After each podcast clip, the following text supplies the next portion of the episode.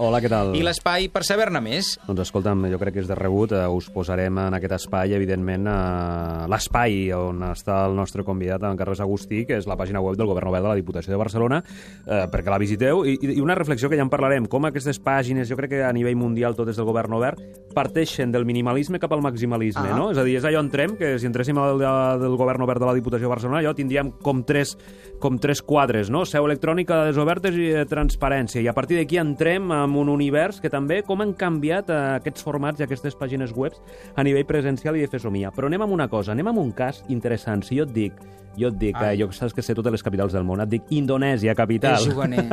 No ho sabem? Va, va, va. Això és de ja com que me les sé totes, Va. doncs... Jakarta. Sí, senyor. Escolta'm, anem a veure molt bé. Molt bé, ahí, ahí, ahí, todo, todo. Corrupció, equip, poca transparència, poca Som transparència. Ho he dit, ho he dit a l'instant.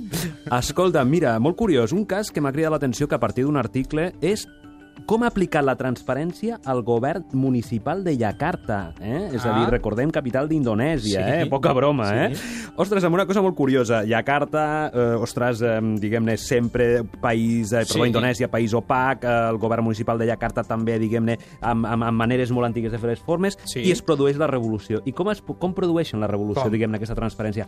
Amb vídeos de YouTube penjats de les reunions del govern municipal. Mira, tenim Veus? de És, tot. és un exemple, és un exemple. En el cas d'Estònia, Clar, és a dir, és un exemple i que jo crec que a partir d'un article que us pengem i analitze i que també amb el, amb el YouTube ho veiem, d'un format. Jo crec que cadascú, la frase és, per això posava l'exemple que et deia Carta, cadascú ha de trobar el seu format de transparència. Jo crec que això. I l'altre, escolta'm, sí, un llibret, Transparency in Politics and the Media, que és un llibre interessantíssim de l'Institut Reuters, de, que, que, que estudia el periodisme de la Universitat d'Oxford, de dir com ha canviat el periodisme que els governs es facin més transparents. Molt bé. Xifres, dades, això, però clar, com canvia la feina periodística i la relació també amb les administracions.